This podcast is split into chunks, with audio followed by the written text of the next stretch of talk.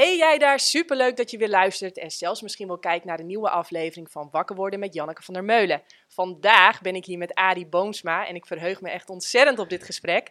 Maar voordat we gaan beginnen, eerst het volgende. Vind je het werk wat ik maak gaaf? Bijvoorbeeld deze podcastshow of de blogs die ik schrijf?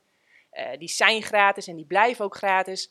Maar je kunt financieel supporten door naar jannekevandermeulen.nl te gaan en dan te zoeken naar de knop doneren. Oké, let's go! Welkom Zo. Ja, dank. Leuk. Mooie plek. Ja, heel leuk dat je er bent. Ik vind het ook spannend, Ja, want ik lees jouw boeken en dan denk ik, dit kan een heel saai gesprek worden. Want ja, voor 98% zijn we het misschien wel helemaal eens. En dan denk ik, ja, ja, ja, mooi, ja, klopt. en er zijn natuurlijk ook een paar dingen waar we heel, misschien wel heel anders naar kijken. Ehm, ja, en wat doe je dan? Hè? Ga je dan op dat, op dat stuk zitten waar we het zo lekker over eens zijn? Of ga je toch even opzoeken waar we het misschien niet over eens zijn? En ja, hoe doe je dat dan op een waardevolle manier ook voor de luisteraar? mag allemaal. Oké, leuk, Ja. leuk. Nou, dat is leuk om te horen. Ehm, ik heb allemaal dingen opgeschreven. Daar zit geen lijn in. dus ik ga gewoon maar eens even met iets beginnen wat voor mij in Mitchell relevant is. En waar wij wel veel over praten. En waar volgens mij jij en Romy een beslissing over hebben gemaakt. En ik ben wel nieuwsgierig, hoe zijn jullie dat tot gekomen? Want jullie doen de kinderen niet met het gezicht op social media. Ja. Kun je daar eens iets over vertellen? Hoe zijn jullie daarbij gekomen? Ehm, Ja. ja, hoe maak je zo'n beslissing? Ik zal dan ook even vertellen ehm, hoe ik erin sta. Ik denk echt, ja, maar ze zijn toch, Duits is toch onderdeel van mijn leven? Mag toch gewoon laten zien? En, en waar moet ik bang voor zijn of zo? Maar Mitchell, die is echt heel erg tegen. Ja? Ja, die vindt dat helemaal niks. Maar welke, en wat doen jullie nu dan? Wij doen nu dat ze wel op de stories mag, maar niet op de tijdlijn. Oké. Helemaal niet of alleen niet met een gezicht? Eh, het liefst wil hij haar er gewoon niet op. Zo. Ja, hij vindt het gewoon, hij zegt het is van jou, het zijn jouw dingen, jouw statements, jouw, dat, ja, dat is jouw leven. En ja, dat is niet haar leven. Dus nee. En nu doet hij het zelf? Of heeft hij social media? Nee, hij heeft geen, ja, hij, heeft wel zo, hij is een gluurder, zoals Oh ja, ik dat ja, ja, ja, ja. Nee, maar dan snap ik het ook. Want dan is het, is het sowieso een andere vraag. Maar weet je, bij ons was het zo... Toen we Bobby, mijn oudste, kregen, die is nu zes. Toen eh, deden we juist heel veel. Babyfoto's, eh, gezichtje, grappige filmpjes. Alles. Gewoon echt wel, elke week gingen er wel één of twee filmpjes gewoon op de feed. Toen bestonden nog geen stories in het begin van eh, Ja. Haar leven. En ehm, daar genoten we ook heel erg van. En precies om de reden die jij ook zegt: van je deelt je leven, je deelt de dingen die belangrijk voor je zijn, waar je vreugde aan ervaart of die je moeilijk vindt. Maar dat moet een compleet beeld zijn en daar hoort zij echt bij. En toen merkten we dat op straat af en toe mensen haar naam kenden. Eh, gewoon mensen die wij niet kennen. Hé hey Bobby. En, en ik merkte ook dat je kiest grappige filmpjes, eh, mooie foto's. Dus je bent eigenlijk voor je kind een beetje een personage al aan het bouwen. En haar karakter wordt gevormd door die beelden. En toen las ik een heel mooi eh, onderzoek in de sociologie. Waarbij ze zeiden: een kind ehm, bepaalt en bouwt het eigen karakter, personage in die eerste 10, 12 jaar heel erg. En als je in die vormende jaren, met name die eerste drie jaar, al zoveel bepaalt, ehm, dan, dan ontstaat er een gebrek aan ruimte eigenlijk voor die eigen ontwikkeling. Dus die combinatie van dat ineens merkt van hé, hey, zij wordt nu een beetje een bekend gezichtje in kleine kringen natuurlijk. Ik bedoel, het is ook maar social media. Het gaat niet om het hele land of zo, maar het kan wel. Mhm. En af en toe werden dan door RTL Boulevard of, of andere eh, showprogramma's werden dan filmpjes overgenomen. En toen dacht ik, ja, nu zijn we eigenlijk haar bekend aan het maken, zonder dat ze daar ook maar iets van weet of vindt nog. Dat in combinatie met dat vormen van het karakter, waar ik denk, zij moet de ruimte hebben om, om zelf iets en iemand te worden en, en daar helemaal vrij in te zijn. Dus die combinatie zorgde ervoor dat wij gingen besluiten om wel te delen, maar niet herkenbaar. Dus altijd van een achterkant of een zijkant, of dat je net een handje of een voet. En dan heb je nog wel steeds het gevoel van gezin en familie, want dat vinden we wel heel belangrijk. Dat je laat zien, hé, hey, weet je, we zijn, we zijn ouders. En dat heeft invloed op mijn dagen, op mijn tijd, op mijn werk, op mijn leven, Ja. op mijn nachten. Mhm.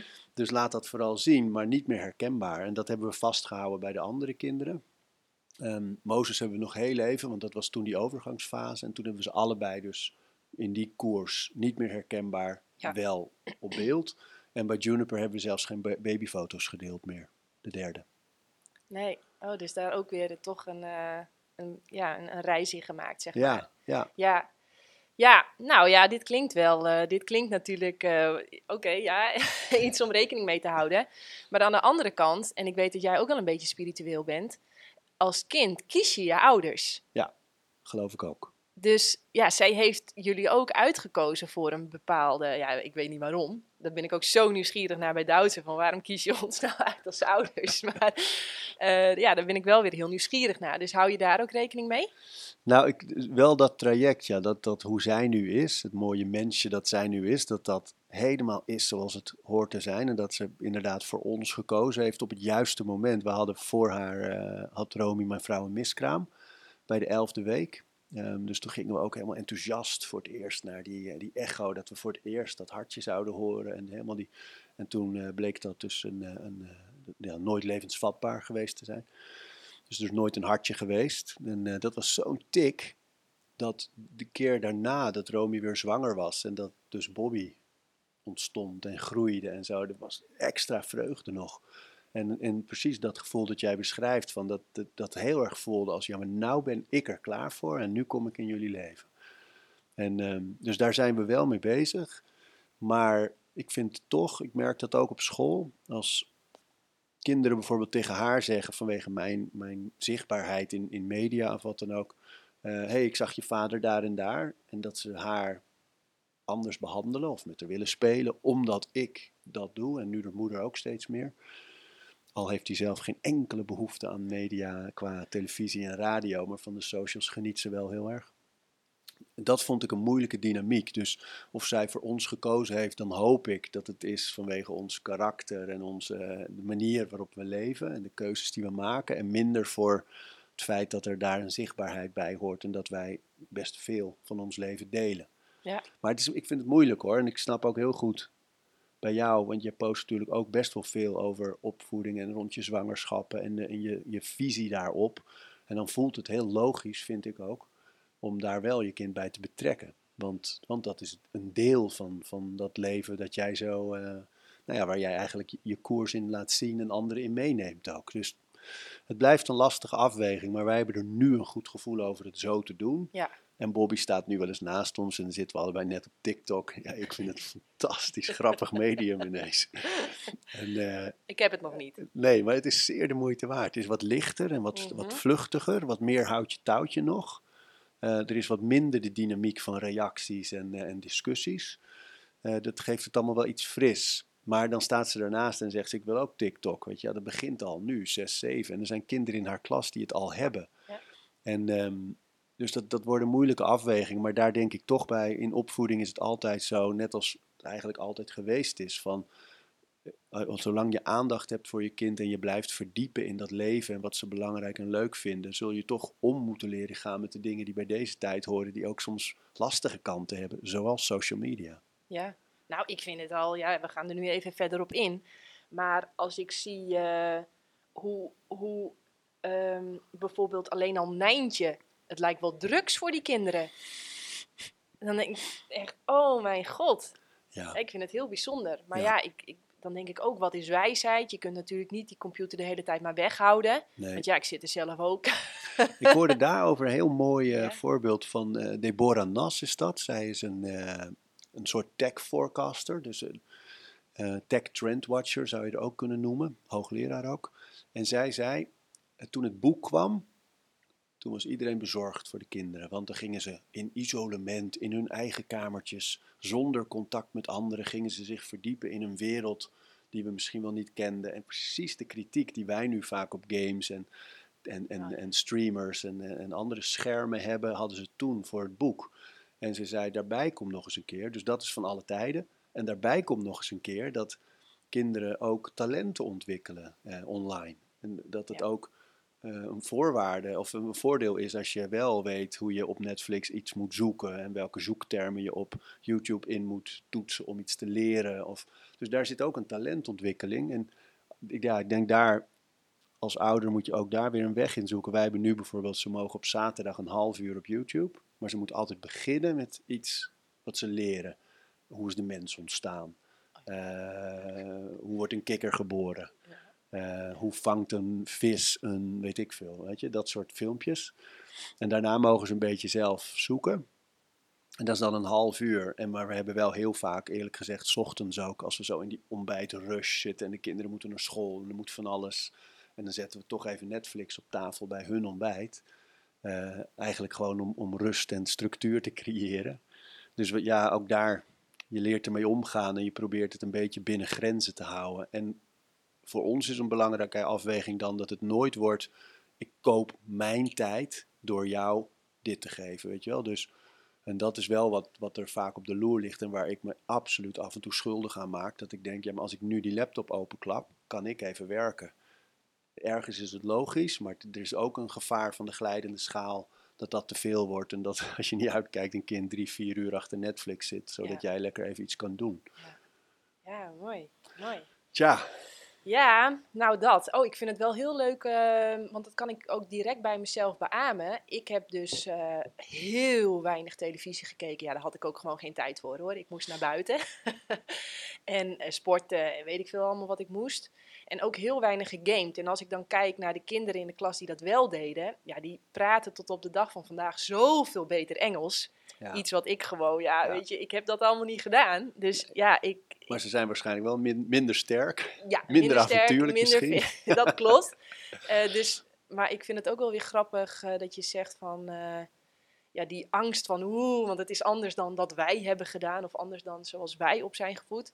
En wat ik grappig vind, dat doe ik ook met Duitse. Ik laat haar heel veel natuurfilms zien. Oh ja, ja, en ze zegt ook. altijd aap, aap, aap. Ja. En dan wil ze heel graag apenfilmen kijken. Dus Nee, Ja, maar dan- dat is mooi. En ook dat mijn zoon kent al die dino's al. Ja. Dat is de Stegosaurus en dat, de Brontosaurus. En Ja. Hij kent ze allemaal. Dat vind Ja. ik ook mooi. En dan gaan ze naar Naturalis, naar zo'n tentoonstelling. En dan weet hij het aan te wijzen. En dus daar zit waarde. En het gevaar, ja, wij weten het zelf. Social media, als je de social network hebt gezien en er een beetje over gelezen, dan weet je wel waar ook wel de gevaren zitten natuurlijk. En de, de behoefte aan bevestiging en afleiding. En Ja. Ja, dat, dat is wel ook wel iets om heel goed van bewust te zijn. Maar ik denk als je er zoals wij nu in ieder geval over praat en je eigen zwakheden ook wel een beetje erkent, want Ja. die zijn er toch, Ja. dan eh, ben je al een heel eind. Nou, en wat ik ook constant doe, is aan Mitchell vragen van, ja, hoe moet ik hier nou mee omgaan? Wat moet ik nou doen? Wat is nou wijsheid? En hij weet het natuurlijk ook nooit. En dan gaan we zeggen van, oké, nou, we doen komende week doen we plan X. En dan gaan we gewoon ja. kijken. En zo proberen we maar wat ons best te doen. Want ja, wat is wijsheid en waar ligt de winst? Je weet het ook niet precies.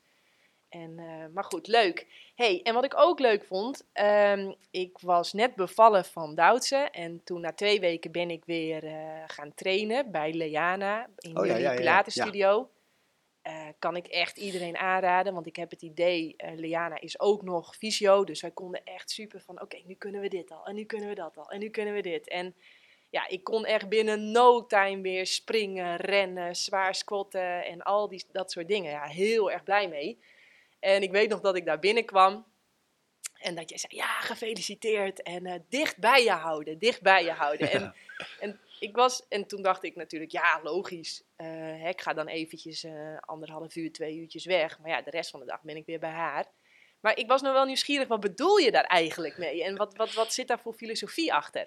Nou ja, kijk, ik denk als het over dat soort dingen gaat, dan deel ik, en Romy doet hetzelfde, vanuit enthousiasme. En nooit vanuit, eh, dit is de, de juiste koers of zo. Alleen met dichtbij je houden bedoel ik eigenlijk dat wat er snel gebeurt, eh, helemaal als het nieuw is, is, de, is die, die kinderwagencultuur hè, van, eh, van buggies en kinderwagens. En dan ligt dat kind eigenlijk daar en jij loopt daarachter. En daar is niks mis mee. Maar ik heb heel erg genoten van draagzakken. Eigenlijk constant die oxytocine, eh, constant dat knuffelen, tegen je aanvoelen, de warmte van elkaars lichamen. En een kind op die manier overal maar mee, lekker mee naartoe nemen. Terwijl het echt tegen je aan zit. Een beetje zoals het in het dierenrijk ook vaker gebeurt natuurlijk. Eh, dat dat vond, heb ik als heel positief ervaren voor mezelf ook als vader. En het zoeken naar je rol in de opvoeding en helemaal in die eerste periode. Maar ook merk ik de andere kant op, dat je heel veel vertrouwen bouwt door constant zo lekker met elkaar te zijn. En eh, mensen zijn dan soms bang om een soort afhankelijkheid te creëren. maar dat heb ik nooit zo eh, gezien en ervaren. Dus ik, ik denk dat ik uit mijn enthousiasme dat ook tegen jou maar riep van lekker dicht, lekker dicht bij je houden. Ja. Ja, ja mooi. Nou, wel iets wat ik eh, herken. En ze zeggen ook wel eens dat het, je lijkt ermee te verwennen en allemaal dat soort dingen. En afhankelijkheid. Maar dat het juist goed gehecht is, makkelijk onthechten. Dus iemand die juist heel erg, eh, dat hij op een gegeven moment zegt: hey, het was hartstikke leuk, maar nu doe ik het even. Doei.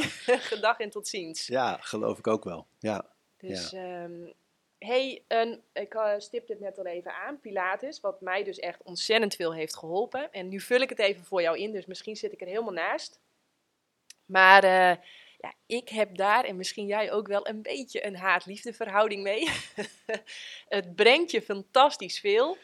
Maar de lessen, het is zwaar, het is moeilijk, het is uh, ja, koppen bij. Uh, ja, het, het, het, is niet zoals wij bijvoorbeeld of bij basketbal of bij crossfit, uh, spel en dynamiek. Nee, het is, ja. ik noem het ook wel eens Russische dansschool. Ja, ja, ja.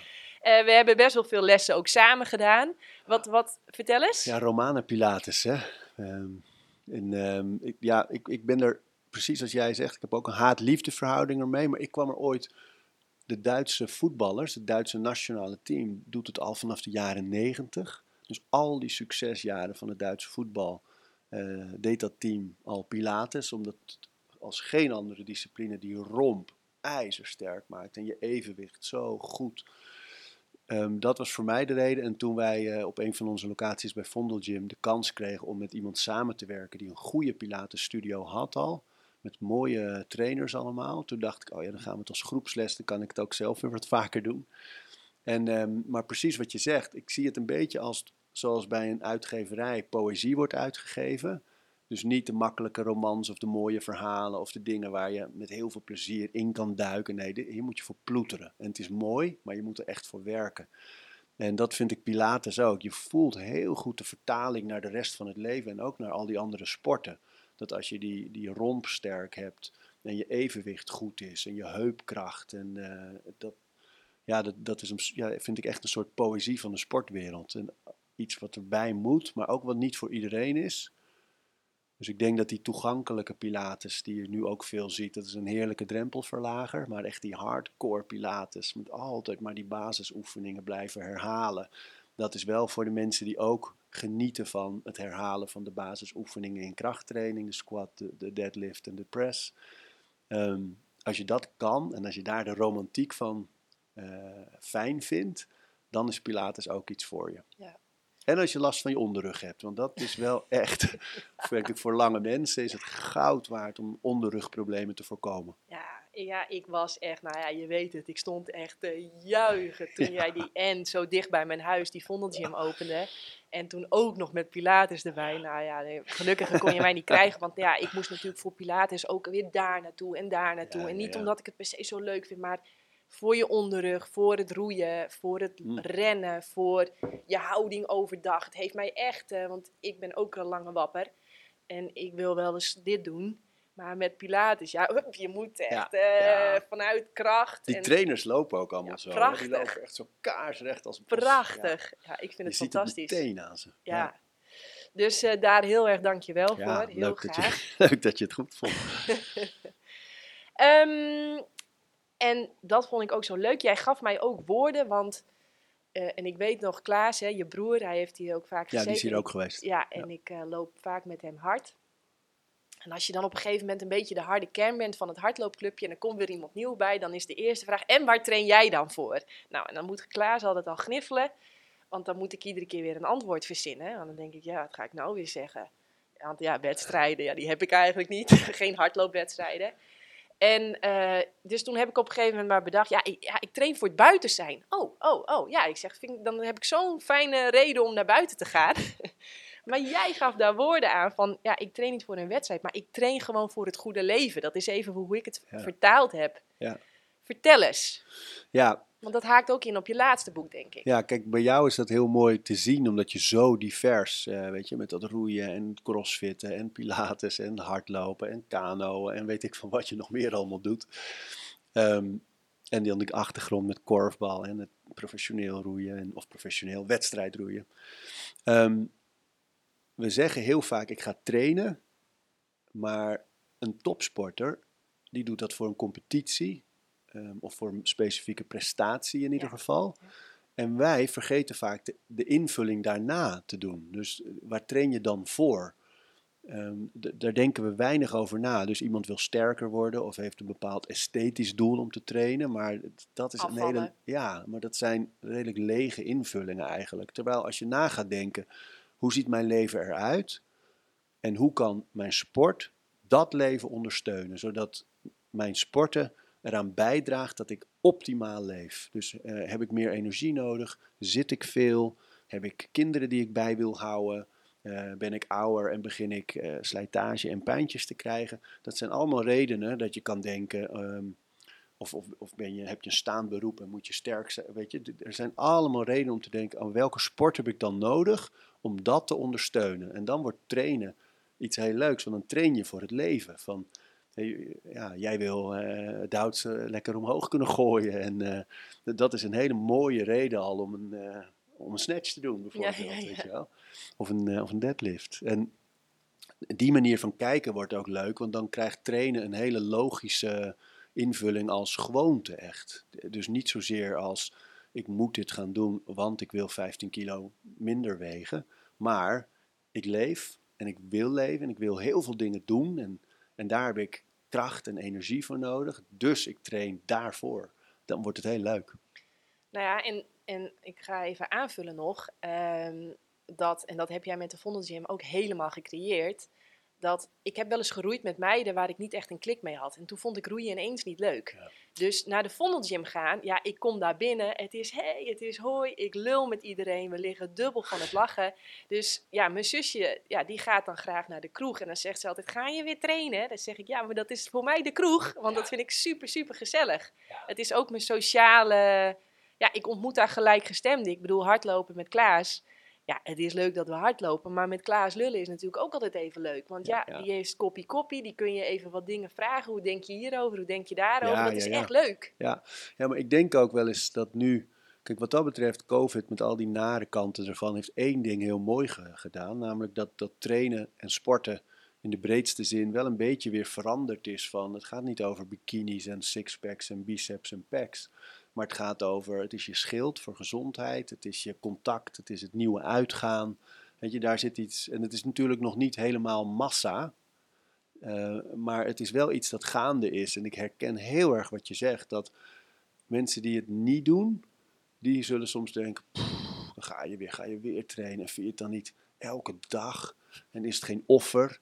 Maar die vergeten dat je gaat doen wat je het allerleukst vindt. Elke dag weer. En dat je gewoon zelf kan beslissen. Nou, ik zag hier buiten net, of bij jou eh, bij de woonark net al een, een squat rack buiten staan. Ik zie een kano liggen. Weet je wel, de, overal, het is een speeltuin. Je kan overal altijd de hele dag doen wat je het allerleukst vindt. Ja, wat is er nou mooier dan dat? Ja. ja, en het blijkt een universele behoefte. Hè? De behoefte naar spel, de behoefte naar bewegen, de behoefte aan avontuur, zelfs de behoefte aan een leuke competitie, weet je wel, met dat stomme crossfit. Van nou, hier is het eerste klaar. Het slaat helemaal nergens op, maar het blijkt een universele behoefte. Ja. Die ieder mens dus in zich heeft. Ja, En eh, naar de sportschool gaan en alle verschillende dingen die je daar kunt doen. Kickboksen, pilates, hardlopen, eh, crossfit, powerliften. Dat, dat stipt dat toch even aan. En eh, ja, dat is gewoon heel, ja, ik vind dat echt ja, op een hele vrolijke manier verslavend. En dat weet ik ook nog. Ik zei tegen een keer tegen Klaas, dan kreeg ik ook echt een veeg uit de pan. ik zei, nou leuk jongen, nu ben je verslaafd aan hardlopen. Hij zegt, nee, dat is echt iets anders. Verslaafd zijn aan sport, dat geeft geen slachtoffers. Dat is alleen maar op, op, op en voor iedereen positief. En verslaafd zijn aan drank en drugs, wat ik dan was, hij zegt, dat is echt... Daar sleur je mensen in mee. Dat is heel iets anders, Janneke. Ik zeg, oké, dankjewel. ja dat is zijn, eh, zijn adagium geworden. Dat onder verslaving leidt je omgeving. Ja. En, en uiteindelijk is bij verslaving maar één weg. En dat is gewoon echt, echt richting de dood. Ja. En, ehm, maar ik denk wel dat sportverslaving bestaat hoor. Er zijn wel veel mensen die op een hele dwangmatige, negatieve manier bezig zijn met sport. Omdat ze denken dat een bepaald uiterlijk ze gelukkiger maakt. Of omdat ze zich voortdurend vergelijken met anderen. Ehm, dus ik denk wel dat daar iets, ook iets negatiefs kan ontstaan. Maar, maar op de goede manier levert het energie op. eh, daadkracht, eh, optimisme, vrolijkheid, eh, ideeën, vrienden. Weet je wel, dus dat is alleen maar goed natuurlijk. Ja, leuk. Hey, ehm, ik heb wel eens een tweet van jou geretweet en weet ik veel allemaal wat, omdat jij je hard maakt voor het BTW op groente en fruit. Ja. Vertel eens. Ja, dat vind ik een van de onbegrijpelijke vraagstukken in deze tijd. Dus waar, waar, waar, denk ik een van de grootste zorgen voor onze samenleving is die, die groeiende kloof tussen rijk en arm. En dat mensen die het niet breed hebben, het op alle vlakken op achterstand komen. Dus uh, die hebben al minder geld om hun leven te betalen en hun rekeningen te betalen. Die hebben al minder geld om bijvoorbeeld met sport begeleid te worden of lid te worden van verenigingen. Um, die hebben al minder geld om, uh, om, om educatie en kennis op te doen. Um, dan is ook nog gezond eten voor, voor mensen uh, relatief duur. En wij weten dat het kan, het kan. Weet je, je kan slim gezond eten. Een, blik bonen kost bijna niks. Weet je, en dat is echt beter dan een bak friet. Maar het is wel moeilijk. Je moet die kennis hebben. En, uh, dus, dus dat is mijn grote zorg. En ik, ik begrijp dan echt niet. En ik zit nu af en toe in Den Haag op het ministerie in die gesprekken. En dat, ik begrijp niet waarom ze niet zeggen: Weet je wat? We gaan die BTW eraf halen. We gaan het heel toegankelijk maken om groente en fruit te kopen. Zodat mensen echt bij elke maaltijd groente en of fruit uh, kunnen eten. Um, omdat het ons heel veel op gaat leveren aan uh, gewoon een mooiere samenleving. Meer gezonde mensen is een mooiere samenleving. Dus ik, dat, ik begrijp het niet. En als je dat nu voorlegt bij de minister, dan gaat het over de inkoop vanuit andere landen, de, de oneerlijke competitie tussen verschillende boeren en regio's. Uh, dan krijg je zo'n soort verhaal. Het is allemaal niet zo makkelijk te veranderen en we hebben maar twee tarieven in Nederland. En, weet je, maar, maar ik denk, je moet durven nu een, een visie in te nemen en te hebben eigenlijk allereerst op gezondheid. En daar hoort bij dat je gezond eten, dat je de drempels wegvaagt, de drempels verhoogt voor ongezond leven en de drempels verlaagt voor gezond leven. Nou, sterker nog, uh, ik heb uh, lezing gegeven voor allemaal supermarkteigenaren. En toen vroeg ik ook van waar zit jullie grootste winst op? Waar denk je dat ze de meeste winst op maken? Nou, Snickers? Nee, op groente en fruit. Oh, de winst. Oh, de ja. winst. Ja, ja. Ja, dat is toch vreselijk? Ik vind dat echt. Ik vind dat echt. Toen dacht ik echt, wow, dit is raar. Dit is Omdat echt de inkoop zo laag is en de verkoop zo hoog. Ja, ja, ja en uh, met de troep eten, dus de Snickers, de flessen cola en zo, daar lokken ze eigenlijk ons mee naar de winkel. En ze proberen dat zo goedkoop mogelijk aan te bieden. En, um, uh, en, en daar maken ze zelfs soms verlies op. Ja, ik vond dat ook echt dat ik dacht, wow, wat een gekke wereld. Ja, maar als je ook kijkt toen, ja. wat er in kortingen en bonussen wordt aangeboden, is het altijd rotzooi. Altijd gewoon. rotzooi. Het is nooit eens een keer de, de, de kaka, de kaki, hoe heet die? Kaki. ja. Wat een mooi ding, hè? Ja. Ja, bijzonder. Heb je het idee dat je stappen maakt met uh, het BTW af van groente en fruit? Nou, er is wel bereidheid. Ik vind nu bij uh, de, zowel de, minister als de staatssecretaris um, uh, is er echt wel een bereidheid. Het moeilijke is alleen dat die periode van die vaak vier jaar waarop ze op zo'n post zitten, die eerste jaren zijn uh, eigen maken en uh, proberen beleid uit te leggen. En dan hopelijk in die laatste twee jaar wat dingen doorvoeren. Over het algemeen komt er dan alweer een nieuwe persoon op die post. En ik zat met Joop Albeda in dat gezelschap. Ja. En Joop Albeda is natuurlijk echt een voorvechter van gezondheid en van meer, meer bewegen. Gym terug elke dag op school. En echt een Echt een fantastische man. En die zat daar en die zei gewoon ook heel eerlijk tegen die minister. Hij zei, dit is nu uh, de vierde minister uh, die ik hierover spreek. En um, er is weinig tot niets veranderd.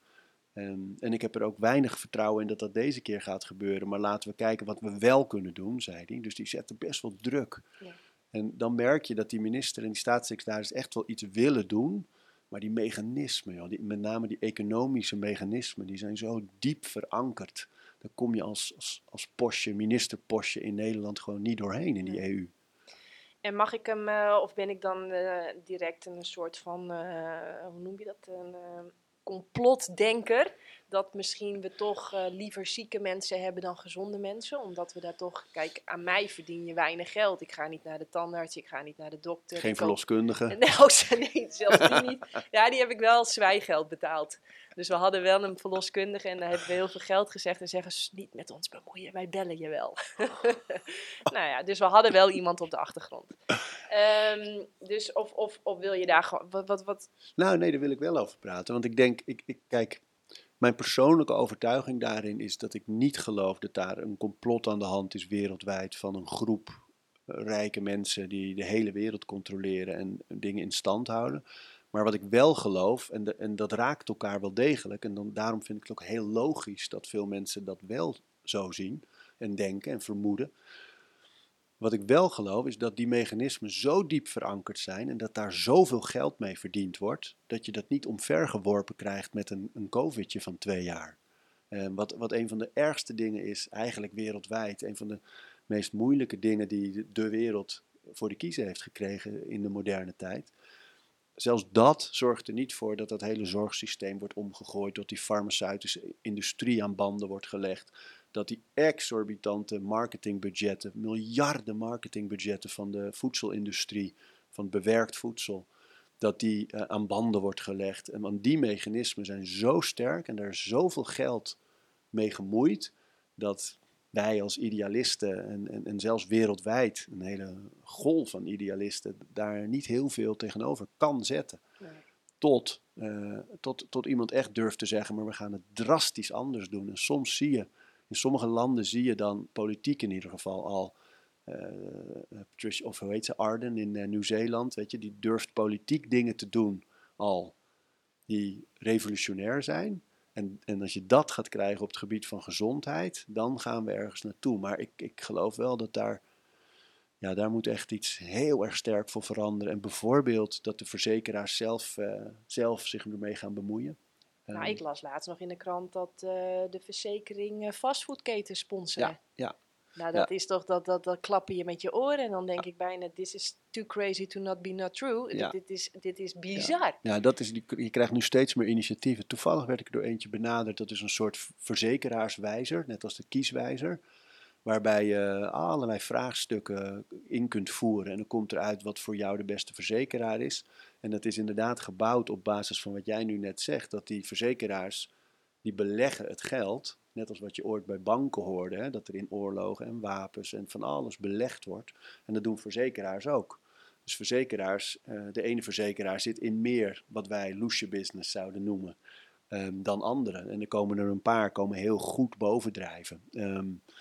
Die, die, dat is een interessant fenomeen, want ja, het is jouw geld dat jij elke maand weer betaalt. En dat wordt belegd in dingen die jij niet weet. En als dat dan inderdaad ook nog eens een hoek is waar je jezelf totaal niet mee wil identificeren, of waarvan je gelooft dat het de samenleving rotter maakt, ja, dat is een probleem. Ja, Ja. ja. nee, zeker. Ehm, Wat wil Maar weet zeggen? je daarover nog? Van, van, ik denk dat de vraag daarna, voor jou, voor mij, voor, voor luisteraars, kijkers. Wat doe je daar zelf dan mee? Hè? Met zo'n. Van, wat vind jij? Wat doe jij? Wat doe ik? Ja, hoe, hoe ga je met zo'n. Nou ja, dat je ik dat denk soort. iedere keer gewoon, je geld is energie. Dus waar besteed je dat aan? Dus ik kies wel heel, eh, ik ga wel echt kijken van waar investeert deze bank in. En dat kun je gewoon allemaal vinden. Het staat allemaal heel duidelijk online van oké, deze bank doet dit, deze verzekering doet dat. Maar denk ook al aan simpele dingen van waar koop je je eten? Ja, ik weet jij, ik, wij gaan, eh, ik zie je wel eens fietsen, nou, dan ga je naar, hoe heet het zo ook alweer? Lindenhof. Lindenhof. Eh, maar waar geef je je geld aan uit? Ga je dat aan grote concerns geven? Dus ga je koffie drinken bij de Starbucks? Of ga je even naar dat tentje wat daar al 30 jaar zit op de hoek? En zo probeer ik wel altijd, ja, toch ook ehm, wijs te kiezen waar je je geld aan uitgeeft. Omdat dan zeg je eigenlijk van, dit is waar ik liefde voor voel en ik wil dat dat groeit. Ja, mooi. En eh, dat soort dingen, omdat toch... En, en, en dan kun je, en dan hoor ik heel vaak mensen zeggen van, ja, maar ja, wie ben ik? Maar als we allemaal denken, wie ben ik? Dan hebben we toch best wel veel power met z'n allen. Ja, man.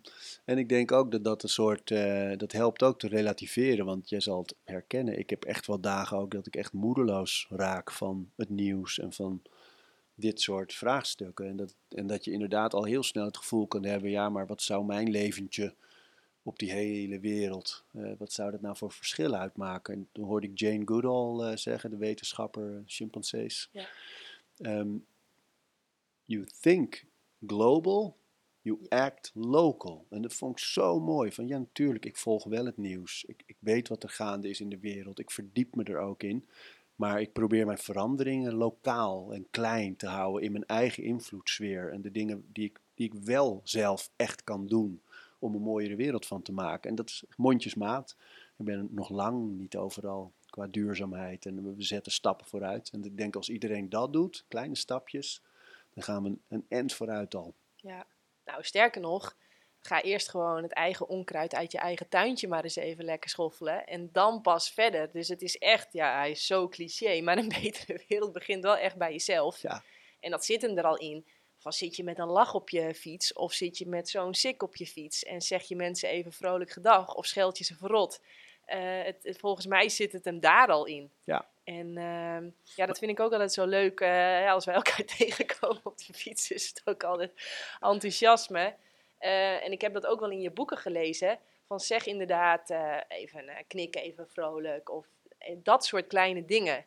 En wat ik ook zo grappig vind bij jou, die positiviteit. En ik snap dat daar ook tegenwoordig wel een beetje een antipositiviteit beweging. Hè? Want die positivo's die overal maar... Hoe doe jij dat? Want ik nou denk dat wij beide wel te boek staan als optimisten, positievelingen. Ja, maar ook wel realisten, denk ik. Maar, maar weet je, kijk, ik denk het verschil is... Als iemand altijd maar alles positief probeert te draaien. Uh, oh, heb je kanker, dan heb je verkeerd gegeten. Of weet je, dat soort positief draaien, daar geloof ik niet zo in. Ik geloof wel heel erg in dat als je klappen van het leven krijgt, dat er ook echt tijd is voor mineur en voor somberte en huilen en pijn. Maar waar het optimisme, en ik denk dat je dat herkent, eh, om de hoek komt kijken, is dat er komt ook een moment dat je moet zeggen: Oké, maar nou gaan we weer opstaan en nou gaan we zelf aan de bak.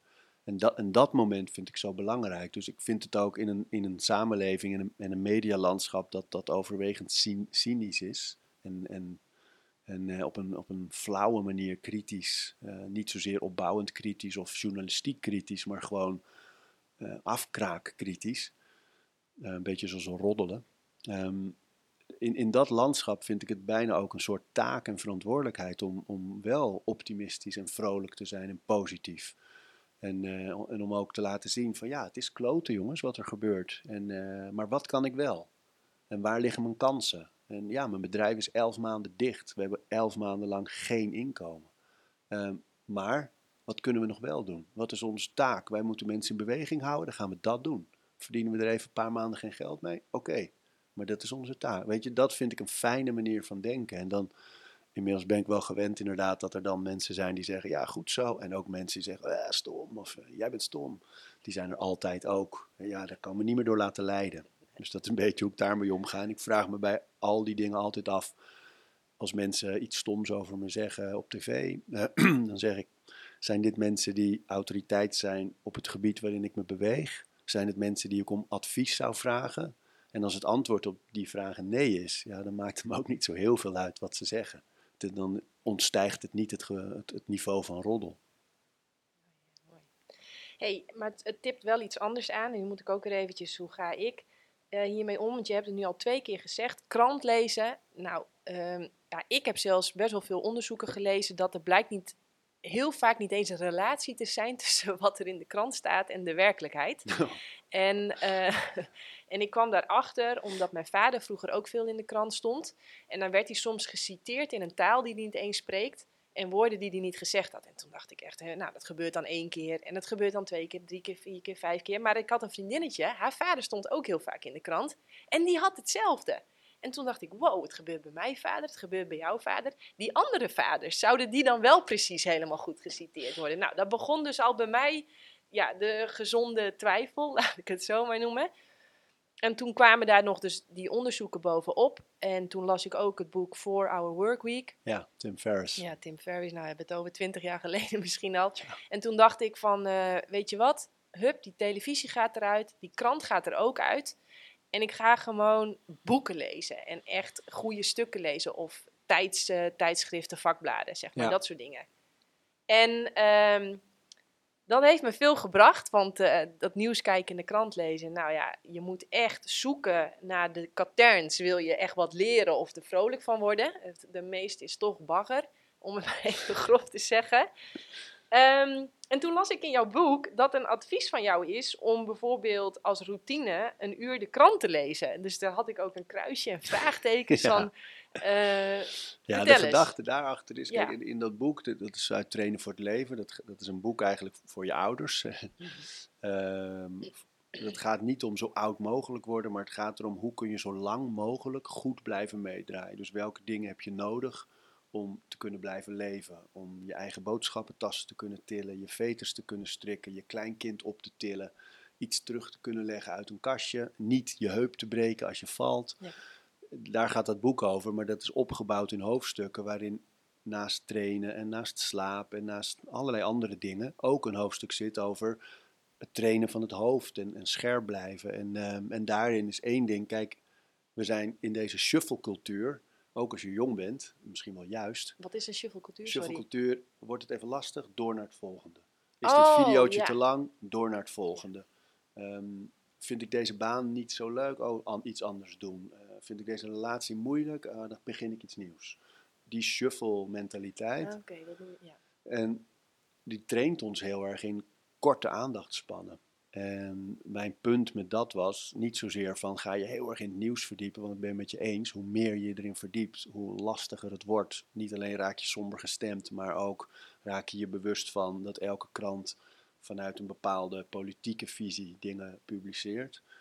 Ehm, ik lees wel kranten en dan vooral kranten waar ik ook de journalisten ken en, en, en uh, vaak persoonlijk ook. Dat ik gewoon weet, ja, maar jij bent betrokken bij dit onderwerp. Zo zit bij elke krant zit altijd wel een paar mensen dat je voelt. Je bent al heel lang over dit onderwerp en je schrijft er goed over. Maar het punt van deze was dat je in plaats van wat we vaak doen, ik bekijk een kop, ik lees een intro en ik ga door naar het volgende stukje. Of ik lees alleen maar de stukken van dingen die ik, me, die ik eigenlijk al weet. Om jezelf te trainen in, als ik ergens aan begin, lees ik het hele artikel lees ik het hele stuk uit. En dat, dat bedoel ik met dat punt, dat het een fijne training voor je hoofd is om dan even door te zetten op het moment dat je eigenlijk wil zeggen, oh ja, volgende. En ik heb dat heel vaak als ik in die modus zit van gaan, gaan, gaan, afspraken, bellen, uh, trainen, alles ertussen, kinderen. Dan zit ik in zo'n zo'n snelle modus. En als ik dan met een krant ga zitten, dan is mijn eerste reactie, ik, ik begin aan een column bijvoorbeeld. En als ik me in de eerste paar regels niet pakt, hup door. Want mijn concentratie is op kort. Dus dan dwing ik mezelf eigenlijk om hem helemaal uit te lezen. En, uh, en dat is voor mij een hele goede oefening om weer in die langzame denkmodus te komen van dingen afronden, de tijd nemen, geconcentreerd aanwezig zijn. Dus dat is meer het punt dan ga zoveel mogelijk media opzoeken. Dat zou ik niet, uh, niet roepen nu, nee.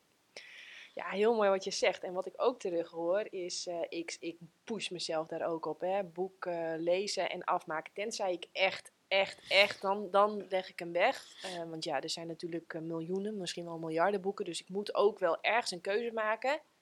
Maar laatst had ik bijvoorbeeld ook dat boek van Matthias de Smet. Oh ja. En de eerste hoofdstukken bikkelen.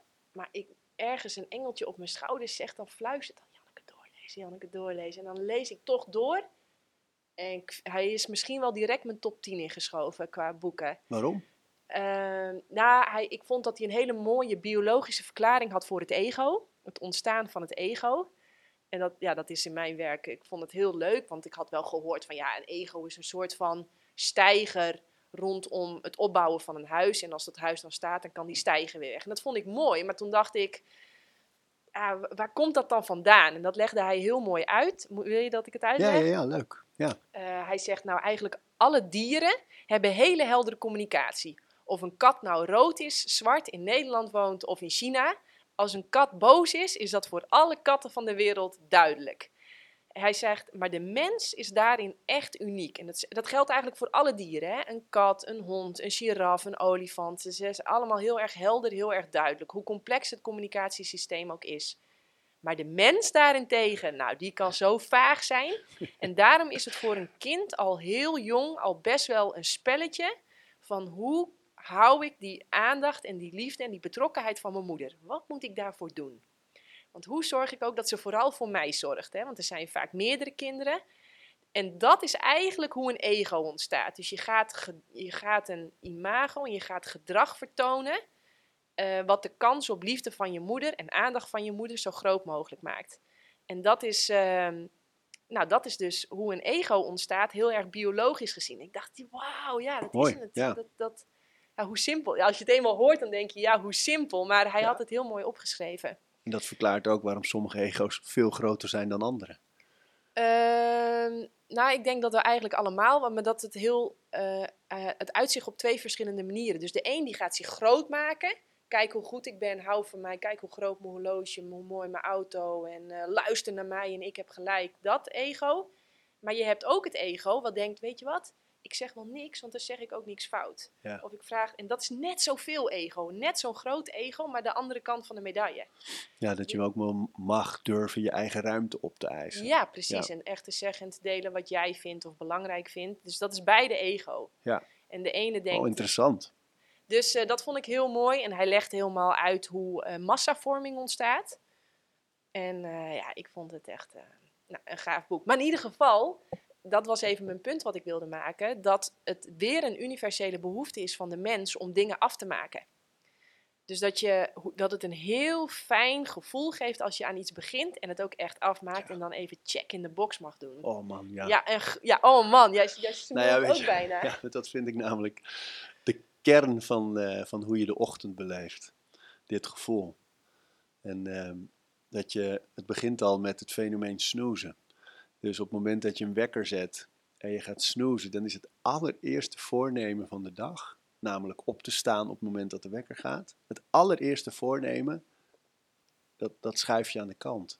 Dus dan begin je al met een achterstand aan je dag. Je begint eigenlijk al een soort hinkelend de dag in. Ja, sorry dat ik je overrul. Sterker nog, ik denk dat dat je eerste mes in je zelfvertrouwen is. Oh, Nou ja, ik snap dat dat, ik dat het is gro- zo lekker, ja, lekker stevig erin. Nou ja, want weet je, wat is succes? Succes is je gedrag in lijn houden met wat je echt zelf wil. En je maakt een afspraak met jezelf, vroeg opstaan, want dan ga je je spullen pakken en dan ga je naar de sportschool en je gaat de groene smoothie maken, weet ik veel. Hè? Zoiets ja, is het, was altijd wat we s'avonds bedenken.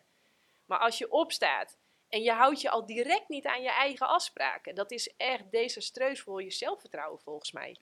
Ja, geloof ik ook. Want de andere kant is ook waar dat op het moment dat je het dan wel doet, geeft het heel veel voldoening. Echt een boost. Ja. En dat neem je de hele dag mee, Ja. in, in alles. Ja, het is echt, en het is ook zo, je kan het weten. En als ik bijvoorbeeld, ik heb dan ehm, in de winter weer net een andere ochtendroutine dan in de zomer. Maar op het moment dat daar een elementje mist, dan voel ik dat echt in de dag. Dan kan ik echt het gevoel hebben, oh, ik heb dingen nog even niet gedaan. En eh, dat, ik er een beetje achteraan loop. En dan is de rest van mijn dag gewoon minder strak in de stijgers gehangen. En dat, eh, dat, dat werkt gewoon door. En als ik die dag wel zo begin met check, ik heb dit gedaan, check dat gedaan, check dat. Dan zit ik echt op de fiets te glunderen, joh. Naar school. Hè? De kinderen op tijd op school. En dan begin ik aan die dag en heb ik al zoveel dingen gedaan dat ik het voelt echt machtig. Ja, ja, nu klink ik bijna ook echt als een autist, maar eh, wakker worden voor de wekker en dan al een beetje voorlopen op schema. Of weet je wel, of als we dan om 7 uur moeten trainen, maar ik roei dan om één minuut voor 7 al onder, de, onder die klok door. Dan denk ik, nou jongen, alsof ik met 10-0 voor sta. Dat is Ja. misschien ook wel een beetje koekoek, maar Ja, maar ja, het is wel die kern van. Je hebt een heel mooi fragment van Kobe Bryant, de, de basketballer helaas overleden. Eh, Een van de grootste basketballers uit de geschiedenis. Maar die had een theorie over dat, dat eh, vroeger dan veel mensen die begonnen dan om zeven uur met de eerste training tot negen uur. Gingen ze naar huis, rusten, eten, smiddags een training zo tussen twee en vier. Naar huis, eten, s'avonds nog eentje van, eh, van acht tot tien. En dan hadden ze drie trainingen. En dan zijn theorie was dat op het moment dat hij om vier uur opstond en om vijf uur aan die eerste training begon, van vijf tot zeven, eh, ontbijten, rustig, eh, van, van tien, eh, het schoof allemaal op en hij had eigenlijk aan het einde van de dag twee extra trainmomenten erin. En eh, zijn hele theorie was van je kan dat zelf creëren door en dan pak je veel meer tijd en veel meer ontwikkeling. En nou is het wel altijd zo, denk ik, met vroeg opstaan, dat werkt echt alleen maar als je ook op tijd naar bed gaat. Dus eh, mensen moeten uitkijken voor roofbouw natuurlijk. Maar het is wel zo, als het je lukt om zo rond half tien, tien uur in bed te liggen en je staat om vier, vijf uur op, dan heb je een keurige nacht. Dan heb je enorme voldoening in die ochtend. Ja, want uh, daar zeg je me wat. Want ik denk, ik zit wel eens ook te filosoferen bij mezelf. Hè, van wat is dat nou? Altijd maar dat trainen en dat gezonde eten en zo. Waar komt dat vandaan? Um, maar ik zit ook wel eens te denken van stel je voor pistool op mijn hoofd. Nou, dan heb ik misschien bijna wel liever dat ze me gezonde eten afpakken dan vroeg naar bedje. Ja. Ja, dat, oh, vroeg naar bed. Ik heb het idee dat daar zoveel wind zit. Ja. Dat is ook, dat komt ook wel in onderzoeken naar voren. Daar wordt je groeihormoon aangemaakt en weet ik het veel allemaal wat. Ja, dus volgens mij zit echt, echt, en, en hè, je oma's, uh, onze oma's, die zeiden het al, die uurtjes voor twaalf, die tellen dubbel ik zie het ook echt terug aan mijn Garmin. Ja. Dat als ik dat je diepe slaap beter is. veel meer diepe slaap. Ja. En telefoon weg geeft ook weer meer diepe slaap, dus meer herstel. Ja. Nee, ik ben het daar helemaal mee eens. En het is ook, mensen vragen vaak, dat zal je misschien ook hebben op het moment dat je zelf kinderen hebt, vragen ze vaak, ja, maar hoe deed je dat dan? En hoe zorg je ervoor dat je zelf nog, uh, maar de winst zit echt aan de voorkant alleen maar. Je hebt nul invloed op de nacht, je hebt nul invloed op de ochtend. Die kan, je kan om vier uur beginnen en om zes uur. En het is altijd anders met kinderen. Maar je hebt 100% invloed op die avond. En, en dat is, vond ik, is voor ons echt een game changer geweest. Om echt, vooral vlak rond de geboortes zo uh, te zeggen. We gaan gewoon echt om negen uur aanstal te maken. En dan, dan zeggen we, ja, maar je wilt toch ook dat je... Er gebeurt iets op het scherm nu. Is dat belangrijk? Of niet? Oh, ik dacht dat er eentje uitgevallen was misschien. Nee, helemaal goed. Maar dat je, dan zeggen mensen, ja, maar je moet toch zelf ook, want dan ligt, liggen de kinderen op bed en heb je opgeruimd en heb je eindelijk tijd voor jezelf en dan moet je toch ook... Maar dan denk, en dan gaan ze zitten Netflixen, bijvoorbeeld. Want dat is dan tijd voor jezelf. En dat doen ze dan vier avonden in de week. En, en dat vind ik zo zonde. Van als, je, als je dan ervoor kiest om, om die avonden voor jezelf te hebben, gebruik ze dan ook ergens voor. Of ga met elkaar eh, wandelen of praten. Of, uh, weet je, of, of, maak iets. Of leer iets nieuws. Of vul het in. En uh, er zullen mensen zijn die dan zeggen: ja, maar niet alles hoeft altijd. Ik wil soms ook even lekker. Maar dat levert je juist veel meer van die lekker tijd op. Als je die structuur goed hebt, hou je zeeën van ruimte over voor rust en herstel.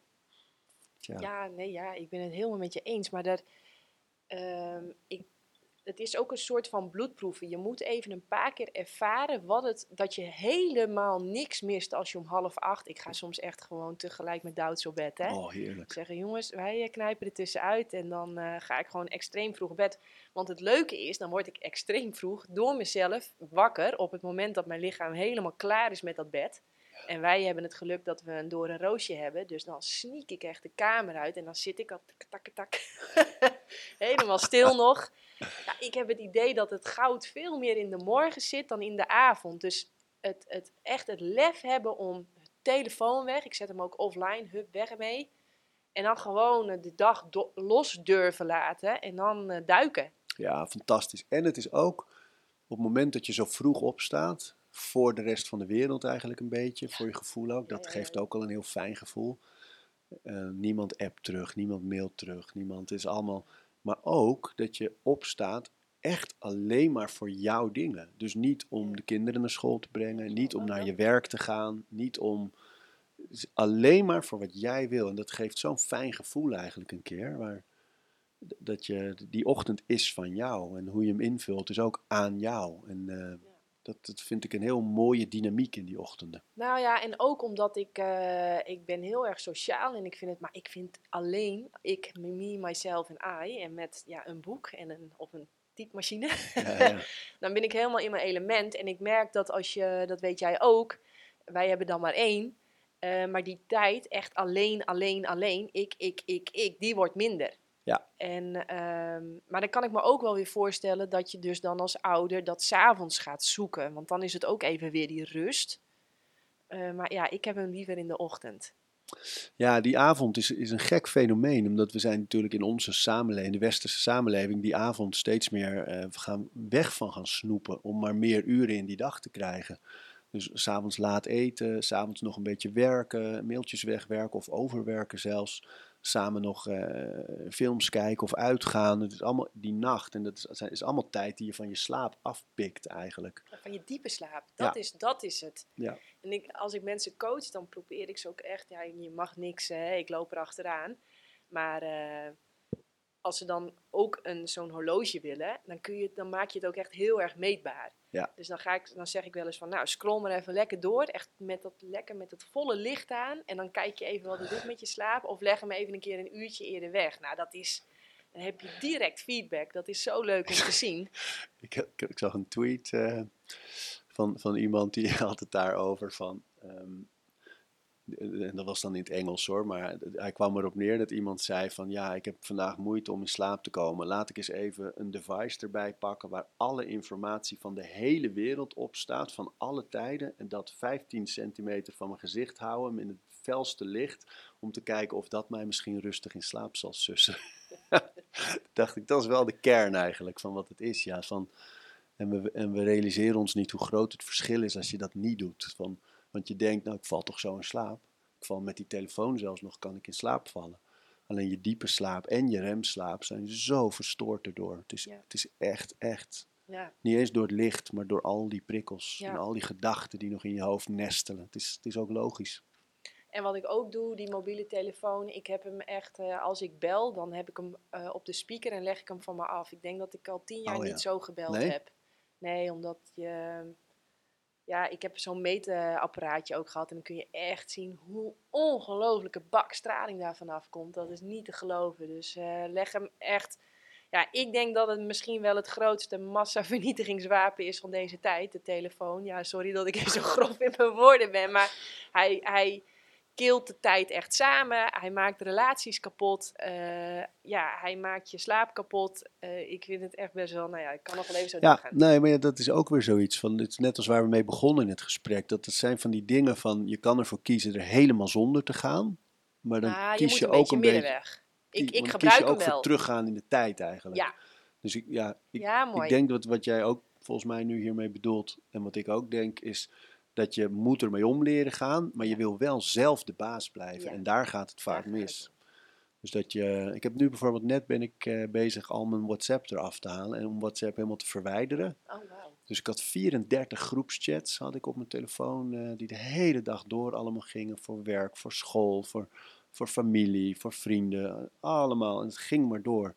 Dus nu heb ik gewoon aangekondigd, ik ben nu al al die groepschats uit, die heb ik al verwijderd. En vandaag ga ik de laatste eh, privéberichten eruit gooien, dan vanavond eh, gaat die eraf. Maar nu al, alleen al het feit dat die groepschats er niet meer zijn, een paar dagen, is ongelooflijk veel. eh. ik kwam erachter, ik was op een retreat zonder telefoon. En de dag dat we de telefoon weer kregen, had ik uren gewacht voordat ik hem aanzette. Het was alleen even om naar huis te bellen. Toen nog uren gewacht voordat ik keek, wat voor berichten zijn er dan? Ik had er een paar gezien, ik had er een paar beantwoord. Telefoon weg, eten, avond in, slapen.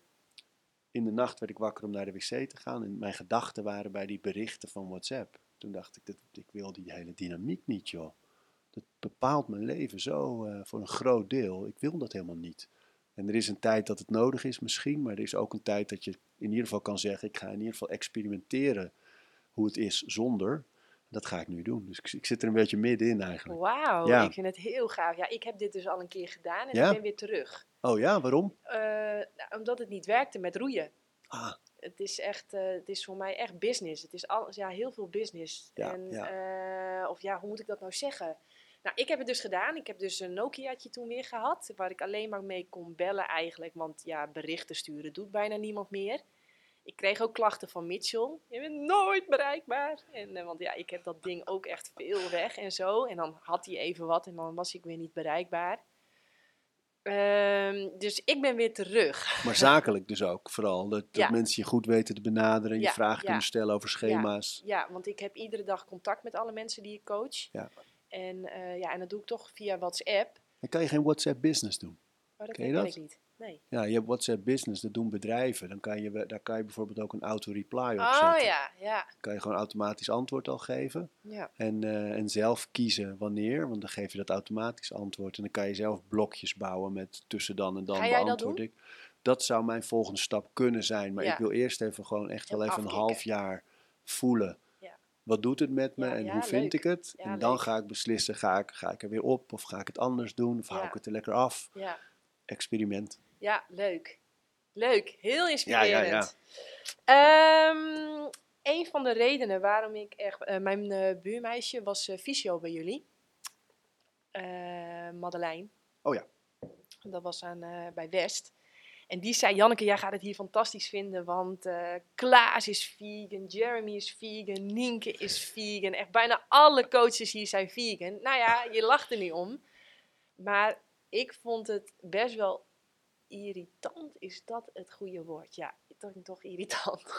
Dat bij het roeien, dat als ik goed presteerde, nou dan was het allemaal goed. Maar als ik dan een keer niet goed presteerde, wat natuurlijk iedereen overkomt, hè? Ja. Iedereen heeft dat. Ja, dat dan is eet je niet goed. Dan moet je meer Dan vlees is eten. het, eh, ja, maar Janneke, dan wordt het misschien nu toch tijd dat je biefstuk gaat eten. Of, eh, ja, Janneke, misschien eet je dus ook wel gewoon niet genoeg eiwitten, hè? Oh man. En dan dacht ik echt, jongens, altijd als ik goed presteer, dan is, dan is het heel leuk allemaal wat ik doe. Maar als ik dan niet goed presteer, terwijl die anderen horen dat niet. En toen Nee. dacht ik, oh, wat gaaf dat ik gewoon een coach heb die ook vegan is. En, dan, en inderdaad, dat was ook zo. Je lult daar dan niet over. Want dat, eh, hoe, eh, ja, wat, wat, wat, wat... Nou, ehm, inderdaad, bij ons, bij Vondel Gym, zijn heel veel mensen volledig plant-based. En ook is het zo dat van CrossFit toch wel, denk ik, de sport waar je het meest algemeen ontwikkeld moet zijn tegenwoordig, ehm, is, is de Nederlandse top volledig plantaardig. Jeremy Reinders bij de mannen, Linda Keesman is Ja. de nummer 1 bij de vrouwen plantaardig, de nummer 2 bij de vrouwen, Nienke van Overveld plantaardig. Ehm, we hebben allemaal game changers gezien, dus je, je kan heel, heel sterk worden zonder vlees. Het is absoluut niet noodzakelijk om vlees te eten. En mijn eigen koers erin is dat wij een paar jaar ook eh, vegetarisch dan, want ik had nog wel wat kwark, wat eieren in die jaren, zo'n zo'n drie jaar. Romy niet, die had, had echt ve- vegetarisch. Ehm, toen wij verhuisd zijn naar, eh, naar eh, Baanbrugge, wilde ik zeggen, want daar zit de Lindenhof waar veel groenten halen en andere producten. Naar Apkoude, naar buiten. Toen hebben we ervoor gekozen om meer eh, lokaal te gaan eten. Dus om te kijken, we hebben, zelf kippen. We hebben elf kippen, die leggen eh, in het zomerseizoen zo rond de zeven eieren per dag. Die eieren eet ik.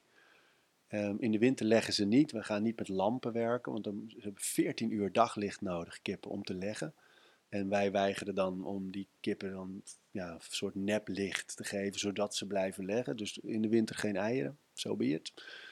Ehm, melk haal ik bij mijn eh, buren, ongepasteuriseerd. Eh, alleen in de zomer, want dan lopen die koeien vrij. En die eten alleen maar gras, die worden niet bijgevoerd. Dan durf ik ongepasteuriseerd te eten. Op het moment dat koeien naar binnen gaan en er wordt wat bijgevoerd, eh, dan, doe ik dat niet meer. Dan eet, drink ik zelfs helemaal geen melk meer.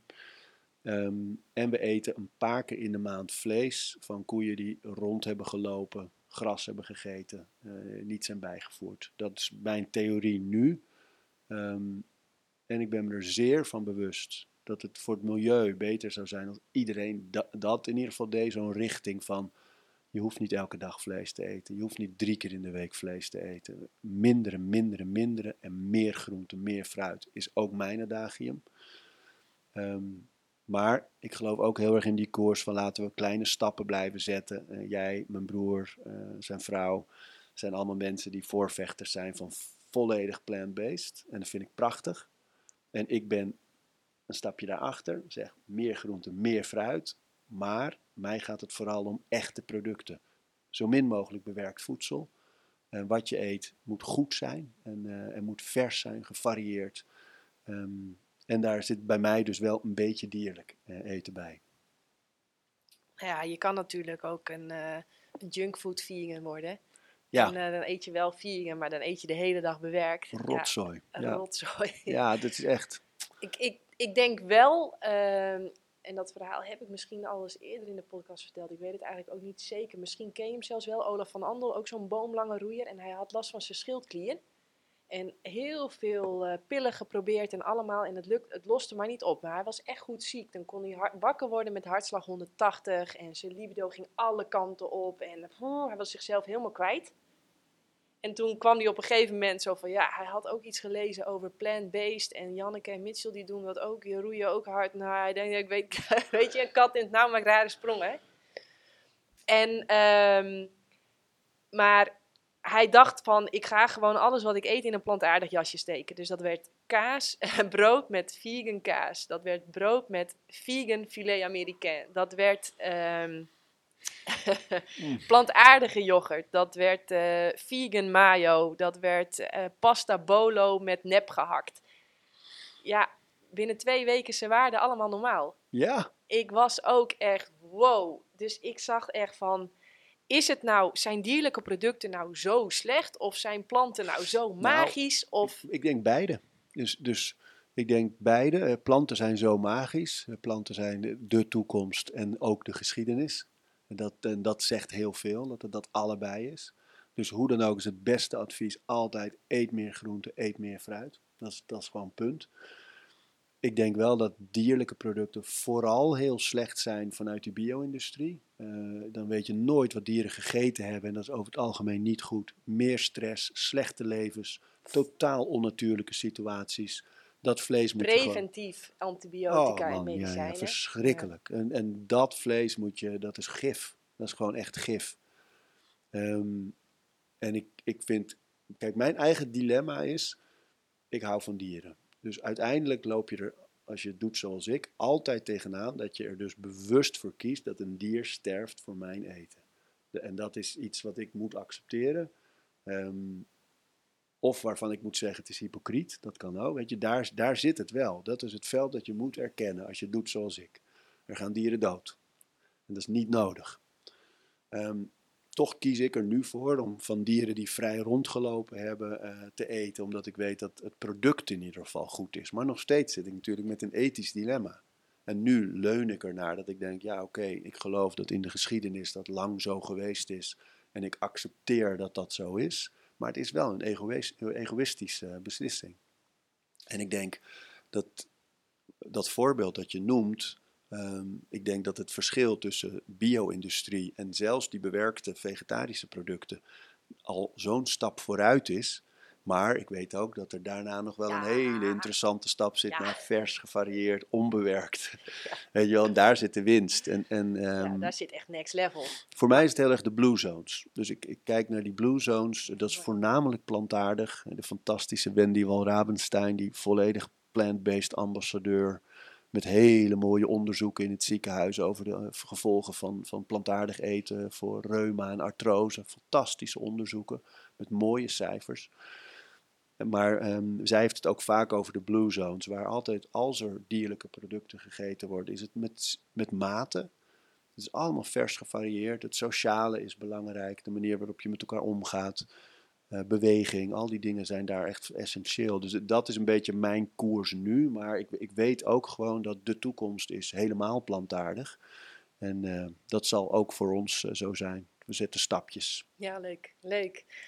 Je bouwt echt weer een prachtig bruggetje. Je, echt, je vinkt alles wat ik opgeschreven heb heel mooi af. Want kan nu het komen we bij de lezen. Oh, ja. Nee, nee, nee. nee, nee, nee, nee.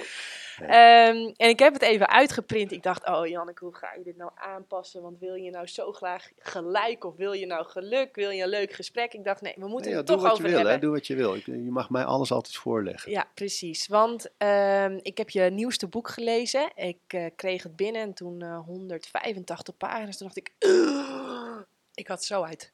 Ja, het leest als goed. een trein. Leuk, Echt eh, heel leuk, echt dikke aanrader. Ik heb ook al allemaal mensen die het aan hun ouders gaan geven. dus, Leuk, eh. Ja, maar eh, met misschien wel 98% een dikke check in de box. Maar er waren ook wel dingen, denk ik, nee, nee, nee, nee, nee.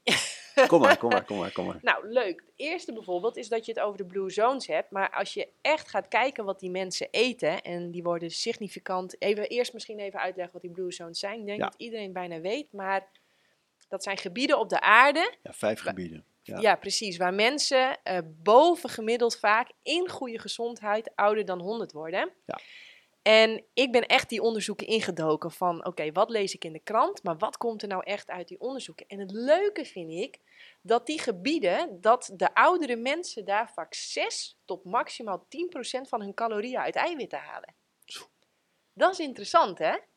Want ook in jouw boek zei je, ehm, ja, oudere mensen in verband met spierbehoud hebben ze vaak meer eiwitten nodig. Ja. En ik denk dus dat dat niet klopt. Sterker nog, ik denk dat het zelfs averechts werkt. Want als je veel aminozuren eet, wat vaak ook gepaard gaat met veel vetzuren, dan gebruikt je lichaam heel vaak spiermassa om die zuren te bufferen. En we zien dus ook in onderzoeken, en ik heb ze allemaal voor je uitgeprint en op een lijn, dus, dus een je meenemen van check, heeft Ja, dat is sowieso leuk. Ja, ik denk dat ik ze bijna allemaal wel ken. Maar eh, dat het dus voor ouderen vaak veel interessanter is. Kijk, één, if you don't use it, you lose it. Laten Ja, we dat echt voorop stellen. Ja. Precies, dus je moet echt bewegen, bewegen. Maar als je die beweging dus aanvult met extra groente en fruit, dan maak je echt de klapper. En dat zien we dus ook terug in onderzoek met oudjes. Dat als ze minder gaan met dierlijke producten, maar meer groente en fruit, dat ze veel beter spierbehoud hadden. Zelfs als ze stil lagen. Ja, Ja, dat joh. vond ik echt fantastisch. Dus Mooi, ik heb het ja, voor je mooi, uitgeprint. mooi. Ja, nee, is heel mooi. Ik denk dat ik veel al ben tegengekomen hoor. Kijk, dat is natuurlijk wel nu met, met onderzoeken, dat weet jij, dat weet ik. Ja. Dat je kan bijna elke visie staven met onderzoek dat je wel ergens kan vinden op examine.com of op andere websites die het verzamelen. Maar ik denk, denk eerlijk gezegd dat je hierin echt ook wel gelijk hebt hoor. Ik denk wel dat proteïne, o- of ze nou uit dieren komen of uit planten, We hebben ze eh, nodig. hebben ze nodig. We hebben ze absoluut nodig. En, Ja. ik, en ik denk met, met ouderen is het natuurlijk vaak zo dat er ook eh, altijd wel op de loer ligt dat ze gewicht gaan verliezen. En te weinig eten en minder honger hebben ook gewoon. Dus daar is wel, denk ik, eh, is wel belangrijk om daar goed op te letten. Maar inderdaad, waar je ze vandaan haalt en dat we over het algemeen veel te veel in ons dieet hebben, daar ben ik met je eens. Ja. Ja, zeker. Ja. Maar in die blue zones, ja, het, het is zo, in sommige Zoals je bijvoorbeeld ehm, eh, de Italiaanse streken hebt, ja, daar is wat meer vlees dan bijvoorbeeld in. eh, nou, Nou ja, wat ik daar zo, eh, praat ik door je heen, sorry, Nee, nee, kom, kom, kom. Maar wat ik zo fascinerend vond, want daar ben ik ook helemaal in gedoken, dat aan de kust werd dus meer vis gegeten Vis, dan ja, in de gebergtes. Ja. En aan de kust worden ze ook heel erg oud, maar in de gebergtes werden ze dus nog ouder. Oh ja, Omdat ze daar dus minder. eh, want wat is heel belangrijk voor spierbehoud als je ouder bent? Dat is het goed functioneren van je nieren. En waar blijken ja. nieren nou echt een ongelofelijke hekel aan te hebben? Nou, volgens mij eet jij het ook nauwelijks meer. Dat is vis. Ja. Dus je zag ook hoe hoger de mensen in de bergte, gebergtes woonden, in de bergen woonden, dan gingen ze net iets minder, want dat kon je net niet vers houden, net iets minder vis eten, net iets meer groente en fruit. ja. En dan werden ze weer net ouder. ja, maar dat is mooi. En ook denk ik wel eens in die bergen van, dat had Wendy wel Raamstein ook als voorbeeld, dat zij op een gegeven moment helemaal plant-based ging, omdat zij zag die krasse knarren van in de tachtig, die, die snelden haar voorbij, die bergen op. Die zag ze elke dag liepen die, die bergen op om, eh, om daar in een, in een tuintje te gaan werken, met hun handen in de grond. En die dacht echt, wat hebben, wat hebben die joh? En eh, die kwam daarachter dat het voornamelijk gewoon verse producten uit eigen streek, uit eigen grond eh, was. En die Ja. dronken ook heus wel een glaasje wijn of die aten misschien ook echt wel eens een stukje vlees, maar niet elke dag. Nee, en heel Nee, klein. Heel klein, ja. alles klein. Ja. Ja. Ja. joh, je hebt het niet nodig. Nee. Nee, je hebt Nee. het. Nee, dat, dat ben ik. eh, ik gebruik altijd heel veel onderzoeken en ik probeer echt de allerbeste onderzoeken probeer ik eh, altijd te gebruiken. Maar uiteindelijk ben ik natuurlijk zelf misschien Ja. wel mijn allergrootste bewijs. Dat eh, ja, ik doe Ja. het nu al zo. Ik heb al poeh, meer dan twintig jaar geen vlees gegeten. Nee, langer. Goh, ik ben ook al 36. Eh, nou, weet je wat ik kijk, dat zie je bij jou ook heel goed. Jij weet exact wat je nodig hebt. En ik denk dat het daar wel vaak misgaat als mensen bijvoorbeeld achter een documentaire aanhollen en ineens alles anders gaan doen en helemaal zich niet verdiepen in. Als ik ineens alles anders ga doen, krijg ik ineens allemaal hele andere dingen binnen en niet meer binnen. En daar moet je wel heel goed op letten natuurlijk. Ik denk dat het daar wel vaak fout gaat nog. En, nou, eh, volgens mij moet je sowieso nooit achter een ander aanrennen. Nee, nee. En altijd echt voelen. En Ja. wat misschien ook geholpen heeft, ik zie nu mensen echt, echt in een razend tempo switches maken. Ja. Maar kijk, back in the days, ik had geen voorbeelden. Dus ik heb dat heel voorzichtig, stapje voor stapje, ja. heb ik dat aangepakt. Want ik had geen voorbeeld, ik had ook eigenlijk geen, ik wilde het wel heel graag, maar geen idee hoe ik het moest doen. Dus dat, ik, ik denk nu wel eens van, dat is misschien ook nog wel mijn voordeel geweest. Waarom wilde jij het toen eigenlijk? Het dierenleed. Ja, alleen Ja. dat was de reden of Ja, ook ja, nog gezondheid? Ja, ik dacht echt, want ik heb zelfs nog een tijdje gehad dat ik dacht echt, dat ik echt letterlijk zei, sorry jongens, ik weet niet hoe ik zonder jullie een gouden medaille moet winnen. Dus ik wil het niet. Als ik klaar ben met die sport, dan eet ik jullie ook direct niet meer. Maar nu, ik heb gewoon geen idee. En toen op een gegeven moment, ja, ehm, kwam ik er eigenlijk achter, door eh, in die onderzoeken te duiken, dat, dat, dat, dat het tegenovergestelde waar is. Dus ik was ook helemaal gebrainwashed van ik heb dierlijke producten nodig, veel eiwitten. En toen kwam ik er te- achter dat eigenlijk echt letterlijk het tegenovergestelde waar was. Maar ja, dan moet je dat nog zelf gaan voelen en ervaren. En En in een wereld waar de norm anders is. Dus dat maakt Ja. het ook lastig ja, soms. dat vond ik ook heel lastig. Dat is, dat is zelfs nu nog. Eh, dan begeleid ik wel eens roeiers en dan eh, nou, stellen ze mij allemaal vragen. En dan zeg ik, nee joh, daar hoef je niet druk over te maken als je gewoon super veel groente en fruit eet. En helemaal niet erg als je het af en toe doet en zo. En dan komen ze bij de roeibond en dan krijgen ze daar een lezing. En dan zeggen ze letterlijk, nou Janneke, dat is hartstikke leuk dat zij dat zo doet. Maar het is vooral echt heel belangrijk. En dan worden ze keihard en dan zijn ze helemaal van, oh, wat moet ik nou? Ja, je Ehm, ziet het steeds meer hoor in Nederland. Eh, volgens mij is het AZ, waar ze ook een, eh, echt een chef-kok hebben. Die, die, die club wordt helemaal plant-based eh, begeleid. En je ziet het steeds meer in sport. En eh, dat mensen in ieder geval die, die koers hebben van veel meer groenten. En dan is het in topsport natuurlijk wel heel belangrijk dat je... Ja, je moet gewoon echt wel aan de calorieën komen. Dat, en dat is ook wel vaak een uitdaging. Ja, lekker veel bananen. de vijand van het ketogeen dieet. Ja, ja, mijn vriend. Ja, ja, ik ben er ook dol op. Kinderen ook trouwens. Het is Ja. zo lekker. Omdat met een banaan hoef je ook niet zorgen te maken als ze zeggen: mag ik voor het eten bij ons ligt het ook zoals dit. Gewoon lekker in de vensterbank. Ze kunnen alles altijd pakken. En er gaat regelmatig een banaan. En dat mag dan wel voor het eten. Maar een eierkoek niet, bijvoorbeeld. Weet je wel? En eh, ja, die bananen vinden gretig aftrek. Ja, ja mooi. Ehm, ik denk dat we het. eh, ik heb ehm, alles. Ik heb al vinkjes gezegd. ehm, af heb gevinkt. Ja, ik vond ook zo. Ja, ik heb echt ook heel veel zinnen uit je boek opgeschreven. Omdat ik dat zo. Jij noemt het maskerloze gesprekken. Ja, Ja, prachtig. ja. Ja, dat is ook de Ik maskerloze... hoop dat we een maskerloos Ja. gesprek hebben gehad. Ja, Voor mij is dat mij niet wel. moeilijk. Ja, nee, maskeloos gesprek is inderdaad dat je het gewoon durft te hebben over de dingen die je... Ik hoorde jou in de introductie van een van je gesprekken zeggen, dat was met die mevrouw die helemaal eh, op de prana eh, leefde. Ehm, dat je het kenmerkend vond aan de eerste ontmoeting dat het meteen ergens over ging. En ik denk, dat bedoel ik met maskerloze gesprekken en hoe belangrijk die zijn voor relaties. En, en ook voor je sociale ontwikkeling. Dat je weggaat uit die eeuwigdurende small talk van hé, hey, hoe is het? Alles goed? Ja, alles goed. Ja, mooi weer. En weet je, het, het, zijn, het, zijn, het is ruis en het is vervelend en het zuigt energie en niemand heeft er iets aan. Niemand raakt verrijkt daardoor, weet je. Het is geen ontmoeting echt.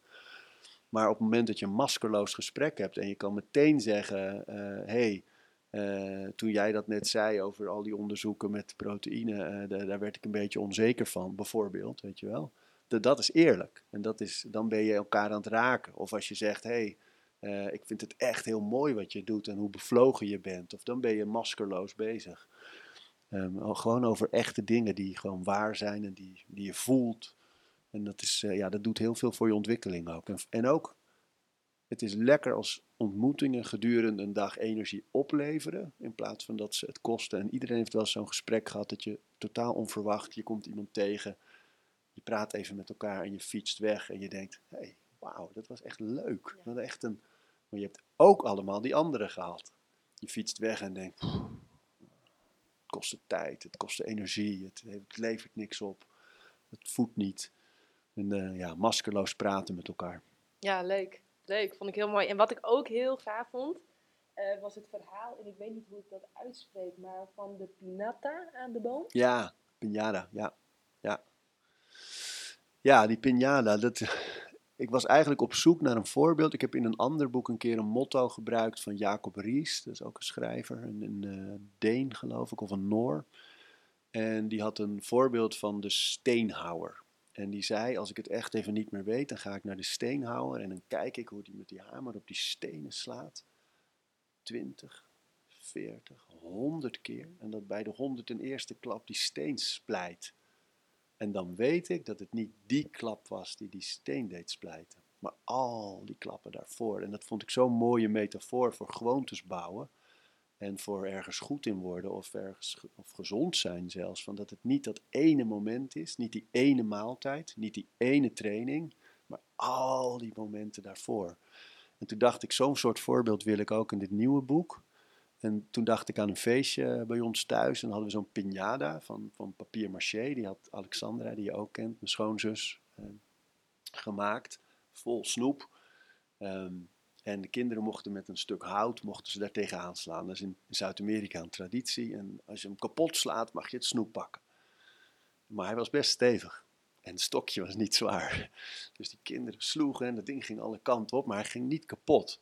En er dropen steeds meer kinderen af. Die gingen naar een schommel en die gingen naar een spel. En, die, en, eh, en op een gegeven moment uh, pakt uh, mijn zoon pakt, pakt die stok. En die geeft nog één keer echt een goede map er tegenaan. Bam, open. En al het snoep. En dacht ik, dat is hetzelfde eigenlijk. Het was niet die ene klap. Hij sloeg niet eens heel hard.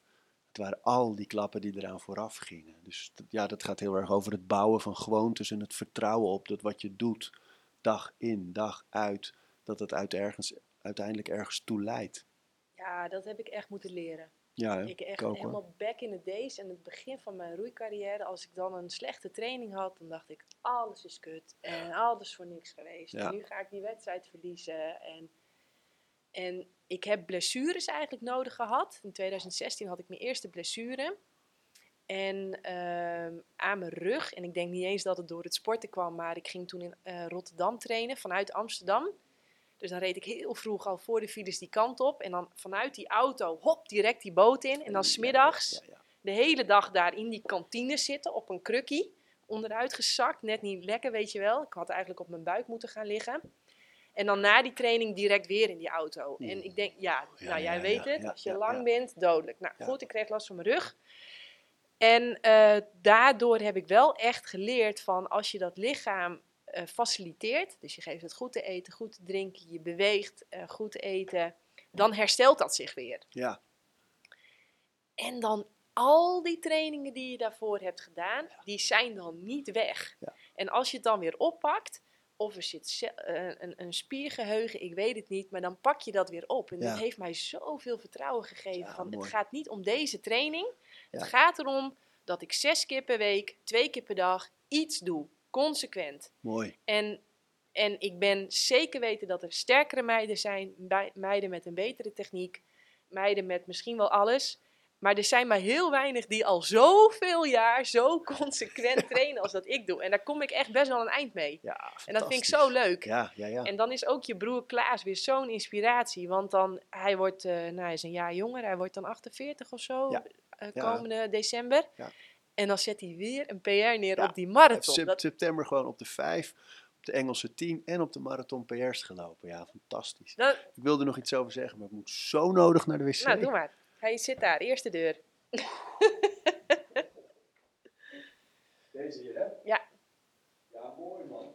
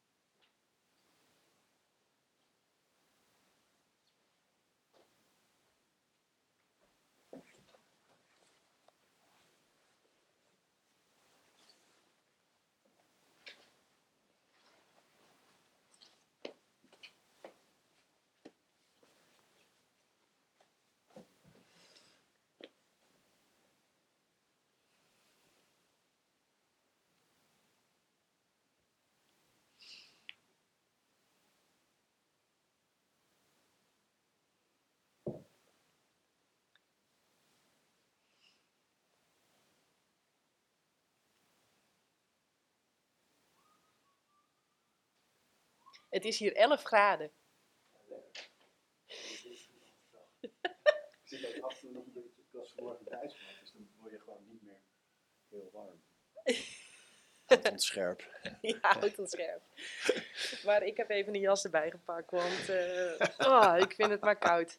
Maar goed, het is hier ook wel eens eh 31 graden en dan zit ik hier met zulke klotsoksels. Maar goed, eh, ja, ik vond dat ook zo gaaf en ik, ik vond bijna dat hij nog wel meer aandacht in je boek mocht krijgen. Want hij laat echt zien, hij wordt ouder en sneller, ouder ja, en ja. sneller. En Ja.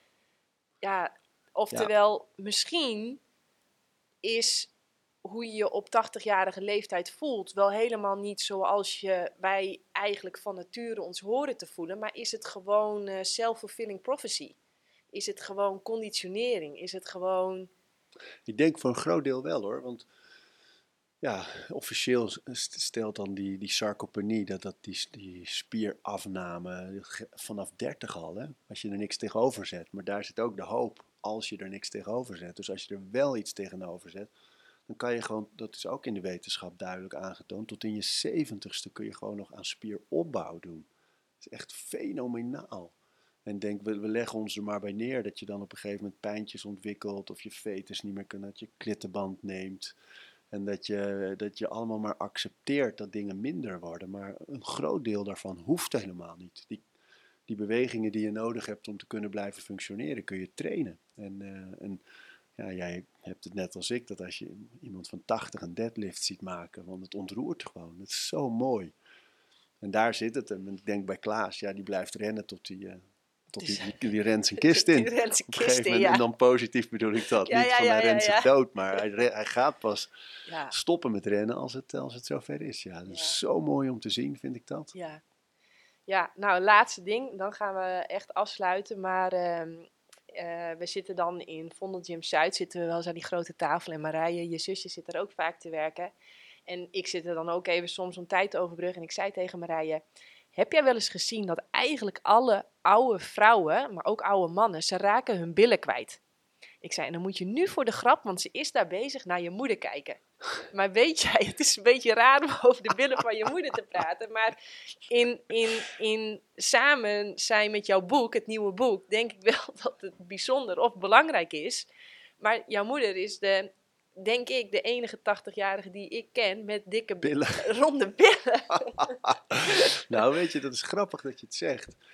Eh, want zij maakt echt een goede deadlift. En ze vindt het ook leuk. Eh, van de zomer waren we bij mij in de tuin en dan eh, had ik nog twee kettlebells liggen. En dan loopt ze naartoe en dan pakt ze ze op met een keurige deadlift. En, dat, en eh, bij haar is het kwartje echt gevallen dat die beweging, dat je die de hele dag door maakt. Als je dingen opraapt of als je bukt om iets te pakken uit het schap van de supermarkt. En ik denk daar, als je die deadlift goed blijft doen, en, en een beetje squatten natuurlijk, maar vooral die deadlift, dat je billen veilig zijn. Ja, maar billen als bijzettafels, ja. Ja, prachtig. ja, ja, ja, maar ja, ik denk wel, daar zit echt een ongelofelijke belangrijke motor. Hij houdt je rug sterk, hij Ja. houdt alles sterk. En ik vind het altijd zo grappig. Je ziet het ook, hè? Als, je, als je bij mensen kijkt, van mensen met goede ronde billen zijn eigenlijk altijd sterk. Mensen met platte billen meestal niet zo. Ja, Klopt. Nou, leuk. Leuk, ja leuk, joh, leuk. leuk om met de billen te eindigen. Ja. Ehm dankjewel voor het luisteren en zelfs misschien wel kijken. Vind je dit gaaf? Deel het volop op je social media. En je mag natuurlijk ook naar jannekevandermeulen.nl gaan. Daar vind je de knop doneren. En dan zou ik zeggen, tot de volgende keer. Doei! Dat was hem. Leuk. Ja, kijk eens, hier hang ik nog. Ja, yes. Zou je eigenlijk wel meer plantaardig willen eten, maar heb je geen idee hoe je dat op een gezonde, verantwoorde manier voor jezelf en je gezin doet? Lees dan het boek De Eiwitleugen. Mijn naam is Janneke van der Meulen en in 2018 en 2022 werd ik wereldkampioen kustroeien. In 2021 werd ik na een energieke zwangerschap en soepele bevalling moeder van onze dochter. Alles op een dieet van fruit en planten. Kijk, je kunt nog zoveel diploma's hebben, geluk, talent, connecties, geld. Maar energie is uiteindelijk wat het verschil maakt voor resultaat. In het boek De Eiwitleugen deel ik daarom alleen maar de allerbeste wetenschap voor optimale gezondheid, fysiek en mentaal. Dus bestel het boek nu via jannekevandermeulen.nl.